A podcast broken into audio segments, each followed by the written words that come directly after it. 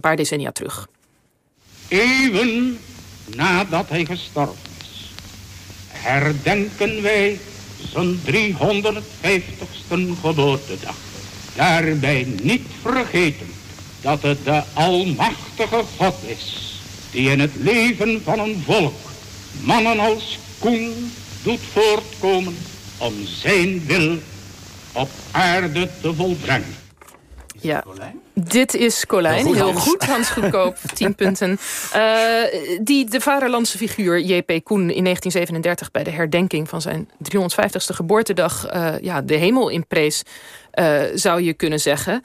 Ehm, ja, en nou ja, dat is nu wel anders, zoals afgelopen vrijdag eh, bleek. Eh, beeld is weer volop onderwerp van debat. Maar we willen toch ook inderdaad nog even hebben over... waarom is dat beeld eigenlijk ooit opgericht in de 19e eeuw? En waren er toen geen tegenstemmen?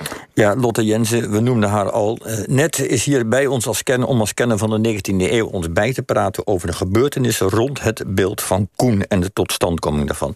Nou, Lotte, zeg maar, dat beeld 1893, wie had het bedacht en eh, waarom eigenlijk? Ja, nou de eerste initiatieven kwamen al rond 1887. Toen werd eh, eigenlijk ook grootscheep zijn 300ste geboortedag gevierd in Hoorn. Ehm, en toen kwam er een Koen-commissie. Die vond dat er eigenlijk ook wel een standbeeld moest volgen. En daar zaten hele hoge lieden in. Dus dan hebben we het over de minister van Koloniën... de ex-minister van Koloniën... eh, dokter Schaapman, eh, politicus, eh, Tweede Kamerlid. De leider En der katholieken, hè? Zeker, Ja. en enkele wethouders ook. eh, en de burgemeester van Hoorn. Dus we hebben het echt over de elite die zich toen ook schaarde achter het idee om zo'n standbeeld op te richten. Ja. En vrij snel hadden ze het geld bij elkaar, al in 1891. En in 1893 kwam dan een grootscheepse feestelijke onthulling van het beeld. Waarom wilden zij, die hooggeplaatste politici, dat beeld? Nou, dat is denk ik een hele essentiële vraag. Het is natuurlijk een vorm van eh, zelffelicitatie ook. Hè. Eh, niet alleen Hoorn op de kaart zetten, maar landelijk gedragen. En het speelt tegen de achtergrond ook van de Aceh-oorlogen. Dat was de eerste grote koloniale oorlog.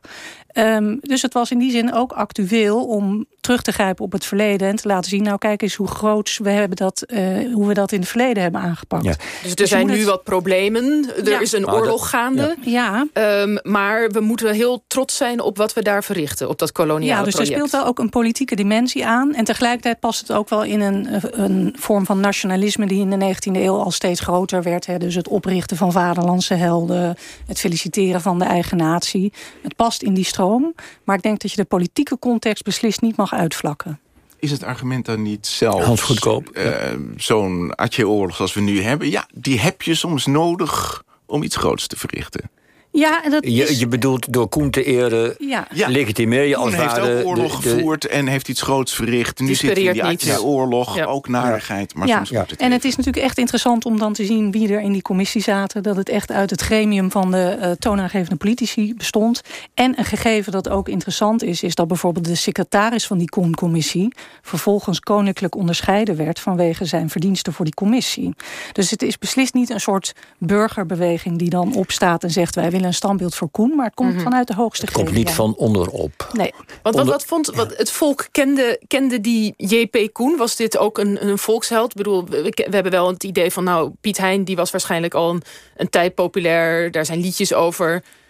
Ja, ook dat is een goede vraag. Eh, ze deden heel erg hun best om die feesten ook bij het volk te laten landen. Dus er waren vuurwerk, eh, evenementen, eh, kermisattracties. Het werd wel uitgerold daarover.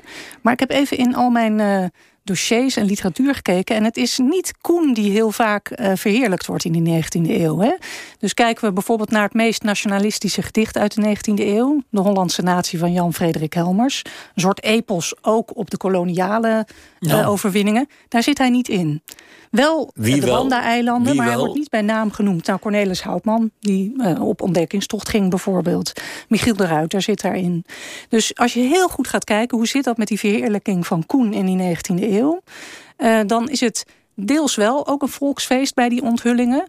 Maar deels is hij altijd een klein beetje omstreden geweest... en nooit helemaal op dat voetstuk Ja, geplaatst. je zegt een volksfeest, maar eh, al- als je die dingen bekijkt, de affiches bijvoorbeeld, dan lijkt het er een beetje op dat de mensen gelokt moeten worden met allerlei leuke festiviteiten. En dat er toevallig ook nog dat beeld wordt onthuld. Daar heb je een goed punt, Jos. Want er wordt echt ook mensen worden gelokt te komen met er vindt een harddraverij plaats. er worden sigarenkistjes verkocht met JP Koens naam erop.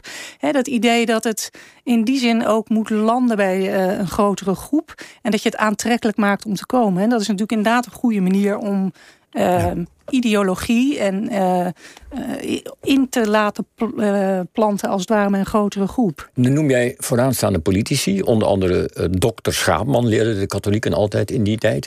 Ehm, was er dan bij hun alleen maar lof voor Koen? Of proef je al iets van aarzeling dat men toch wel weet had van dat, hij iets, dat er een beetje een vuiltje, iets moeilijks aan hem hing? Hoe, ja. wat, wat, wat proef je daar? het is heel interessant. Hij hield een anderhalf uur lang durende reden bij de onthulling van het standbeeld Schaapman. En in die reden zitten al een soort fricties, waarbij wel duidelijk wordt dat hij ook wel weet wat zijn reputatie was. Hij zegt in die reden bijvoorbeeld welke vlek er ook op hem mogen kleven Koen staat voor het kleed ener grootheid die in de volle zin van het woord toch ook een zedelijke grootheid is. Hij heeft het al over een vlek die op hem kleeft. Dat geeft al iets aan van dat besef. En het gaat nog verder. Hij zegt ook, nou ja, Koen heeft allerlei vrede daden verricht, maar hij deed dat uit streng en ernstig plichtsgevoel.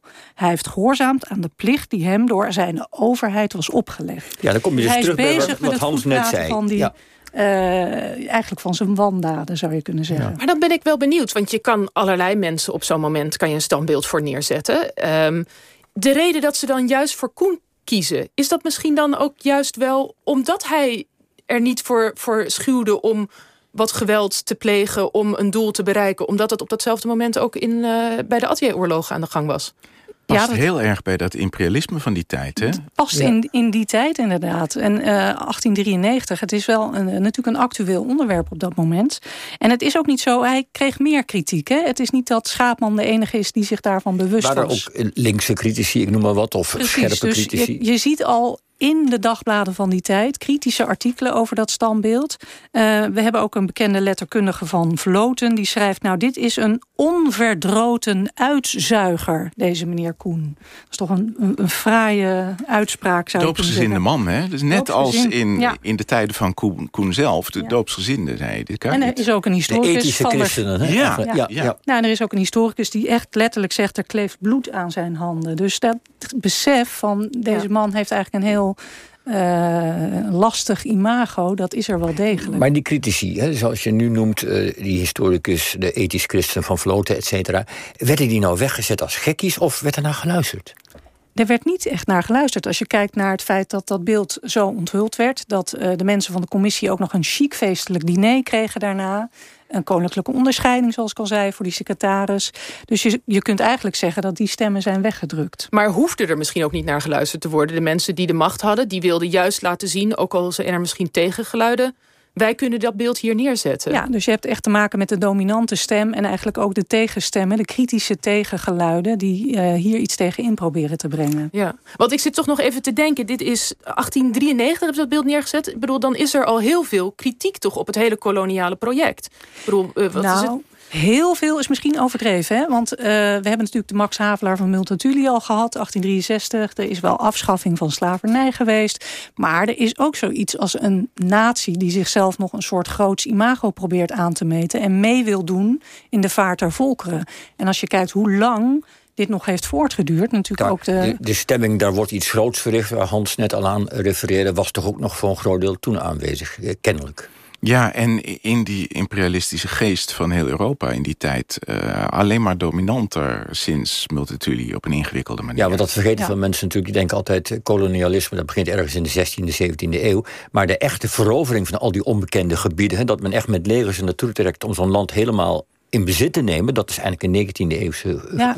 ik wou zeggen verworvenheid, maar precies. neem me de woorden niet kwalijk, maar een 19e eeuwse gebeurtenis. Oeps, maar dit ja. is de essentie dat het daarom zo belangrijk is die ja. hele gelaagde geschiedenis mee te nemen. Dus en de 17e eeuwse feiten En wat er gebeurde in de 19e eeuw, hoe een held eigenlijk uh, gemaakt wordt, zou je kunnen zeggen, maar ook kritiek ondervindt. Het is ook een product echt van dat kolonialisme. Het is, het is, eigenlijk een instrumentele held, ja. als we het zo chic mogen zeggen. En Zoals het altijd gaat, het verleden wordt ingezet voor het heden. En, en andere helden, waar, was hij nou een uitzondering, het beeld van Koen? Of waren, de, de, waren er meer helden? Had Nederland last van heldenbehoeften en heldenbeelden? Of, of waren we een beetje mager op dat gebied? Nou, Nederland was in het algemeen een beetje mager in vergelijking met andere landen. We hadden hier toch een wat meer Calvinistischere geest die niet zoveel helden optrok. Uh, ook al veel eerder een beeldenstorm gehad waarbij dat niet in die volksgeest zat. Maar uh, ze waren er natuurlijk wel. in de categorie zeehelden kreeg Piet Hein een standbeeld in Delfshaven. Michiel de Ruiter in Vlissingen 1841. En uh, nou ja, dat doet mij als literair deskundige ook wel deugd. De schrijvers kregen ook een beeld. Dus Vondel, Tollens, Kats overigens ook, ja. uh, in Brouwershaven. Dus er waren wel uh, Nederlandse uh, figuren, zeehelden, staatsmannen trouwens ook. Willem van Oranje kreeg een beeld. Die op die manier zichtbaar een plek kregen in de publieke ruimte. En werden die dan ook neergezet door, door de minister van Koloniën? Dat hij ook dacht, er moet een beeld van Kats komen? Er moet een beeld van Vondel komen? Nee, het interessante is dat dat vaak burgercollectieven zijn. Hè, dat er daar geld werd verzameld om zo'n beeld neer te zetten. Dus dat vondelbeeld is ook het resultaat van grote burgerinitiatieven. Trouwens ook van een katholieke beweging. en daar vindt ook weer toe-eigening plaats. En dit maakt dat beeld van Koen ook weer zo... Um, je zou bijna kunnen zeggen, ja, omstreden. Juist omdat dat uh, bijna van bovenaf zo wordt uitgerold, dat ideaalbeeld. Ben, jij bereid, een, uh, op jou, uh, heb jij een eigen site of zo? Of, of, of, doe jij iets op dat gebied? Met op welk gebied bedoel je? Nou, dat je jezelf eh, berichten van Lotte Jensen bijvoorbeeld... dat je een berichtje maakt voor iedereen die zich met beeldenstorm bezig wilt houden... welke beelden wel en welke beelden niet mogen nee, worden bestormd. Want, nee, nu stel je een tweede vraag. Je vraagt of ik een soort lijst eh, maak van die kan wel, die kan niet. nee, nee, dat is echt mijn taak niet als historicus. Wilt u die graag omgooien? Nee, nee, nee. Ik voer wel graag de discussie over dit soort zaken. Maar mijn inbreng is historische kennis. Hè, en de complexiteit die van laten zien... en hoe het historisch zo gegroeid is. En dat historische besef, dat is eigenlijk wel heel belangrijk om ook nu op een genuanceerde manier daarover te kunnen spreken en de dialoog aan te gaan. Ja, want, want hoe nu verder? Ik bedoel, ja, het interessante is, wat mij betreft, dat we nu dus een discussie voeren die in 1893 gevoerd werd, die in Koens eigen tijd werd gevoerd. We hebben nu het gevoel van, we hebben nu uh, het licht gezien, maar dat licht is eigenlijk al een paar eeuwen ontstoken. Ja, maar laten we het licht even vanuit nu benaderen. Het, is, het, het vuurtje is al aan, het lampje brandt al, maar wat moet er nou gebeuren met dat beeld? Eh, nou ja, moet het terug in het museum? Zoals bijvoorbeeld in, in, in uh, het beeld van Koen... moet dat terug het museum in, zoals wordt gesuggereerd door verschillende mensen? Uh, Ik vind wat er eigenlijk met dat beeld gebeurt... het minst interessante van de hele discussie. Ik geloof dat er bijna niemand meer is die in alle ernst gelooft... dat als een figuur op een sokkel staat... dat wij die met z'n allen moeten vereren. Dat geloven we eigenlijk al een jaar of vijftig toch echt niet meer. Ja, maar gaat het daarom? Dus het is een soort stok om de wij, maar... Dus waar het wel om gaat, waar het echt om gaat... is om de discussie, uh, waar Lot het al over heeft. De grote winst vind ik dat we het maatschappelijk zien... over geschiedenis hebben...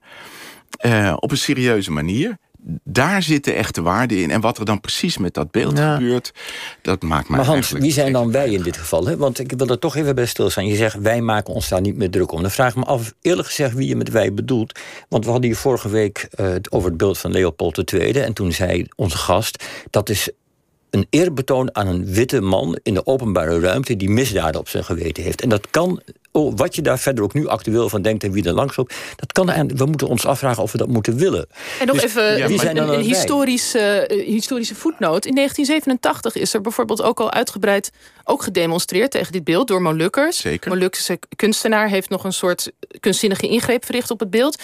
Dus er zijn wel mensen die daar aanstoot aan nemen dat het er staat. Ja, ja, nee, dat snap ik. Dat snap ik. Nee, maar die vraag eerbetoon aan iemand waarvan je zegt... die, die misdadigheid is minstens zo... Uh, naar onze maatstaven, ook aan de maatstaven van toen... moeten we dat wel willen in de openbare ruimte? Nou ja, ik geloof dat het uh, nu zo gepolariseerd raakt... dat het zou in dit geval eigenlijk niet zo'n gek idee zijn dat hij weer naar, of weer, dat hij naar het museum gaat. Naar het museum gaat. Het Waarom ook, ook aan het plein, dus het is maar een heel klein stukje. dat grote beeld daar midden waar al die terrassen zitten. Het is weer gaan leven. Geschiedenis leeft altijd. Er is ook voortschrijdend inzicht. En als het nu echt niet meer past in deze tijdsgeest... heb ik er echt geen enkel bezwaar tegen dat het naar het museum gaat. Waar ik me wel bezwaar tegen heb...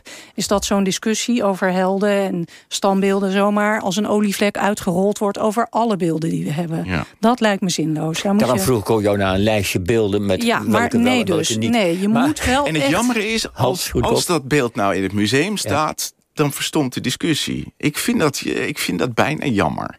Ja, je kunt natuurlijk afvragen of de discussie over een verleden moet afhangen van beelden wel of niet in de openbare ruimte. Maar, maar goed, de, de, nou ja, nog een dat andere vraag. Hij. Nog, ja, andere vraag is, heeft de politiek, omdat de politiek destijds, de politiek, dan in ieder geval een aantal vooraanstaande politici het initiatief hebben genomen, is dit nou een zaak van horen, het beeld van Koen? Of zeggen we, ja, als de politiek destijds het voortouw heeft genomen, is dat ook misschien een signaal naar de politiek leiderschap van nu, dat je daarmee bemoeit? Moet de politiek zich ermee bemoeien? Moet Rutte er iets van zeggen bijvoorbeeld? En dit lijkt me echt een lokale zaak van Hoorn, van de gemeentepolitiek daar. En die moeten eigenlijk ook onderhand wel met een goede oplossing komen. Ze hadden dit kunnen ook voorzien, dat er weer een controverse om zou zijn ontstaan. Dus uh, het is aan hen om daar nu ook wel uh, iets mee te doen. En, de plaquette uit 2012 volstaat eigenlijk niet meer uh, om het hele verhaal voldoende uit te vertellen. Um, dus nee, dat is aan Hoorn. Hans, heb jij hier nog iets aan toe te voegen? Nou, van mij mag het ook in het museum, hoor. Uh, maar ik, ja, nou ja. ik, ik vind het eigenlijk... Ik, doe mij de discussie uiteindelijk maar. is toch dat het geschiedenisonderwijs... echt goed uh, het hele verhaal vertelt. Het onderwijs, daar moet het gebeuren. En dat standbeeld triggert nu de discussie. Dat is goed. Uh, als het naar het museum verdwijnt, moet niet de discussie verdwijnen. Kan het niet gewoon op wieltjes? Op wieltjes, dat ja, het gewoon door het hele land heen laten Door het hele land als steen des aanstoots. En daar uh, debatten voeren over essentiële ja. onderwerpen. Goed, we komen toch nog tot een, uh, tot een nieuwe colleges. Want wij kunnen op de universiteit ook nauwelijks meer college geven. Hè? Dus laten we gewoon dat een openluchttour doen. Uh. Je kunt nauwelijks meer college geven? Nee, want die anderhalve meter. Dus wij kunnen... Oh, zo. Oh, ik dacht, ik dacht door ja. de discussie. Oh, nee, nee, nee, nee, nee. Dit zijn de virusmaatregelen die ons de mond snoeren.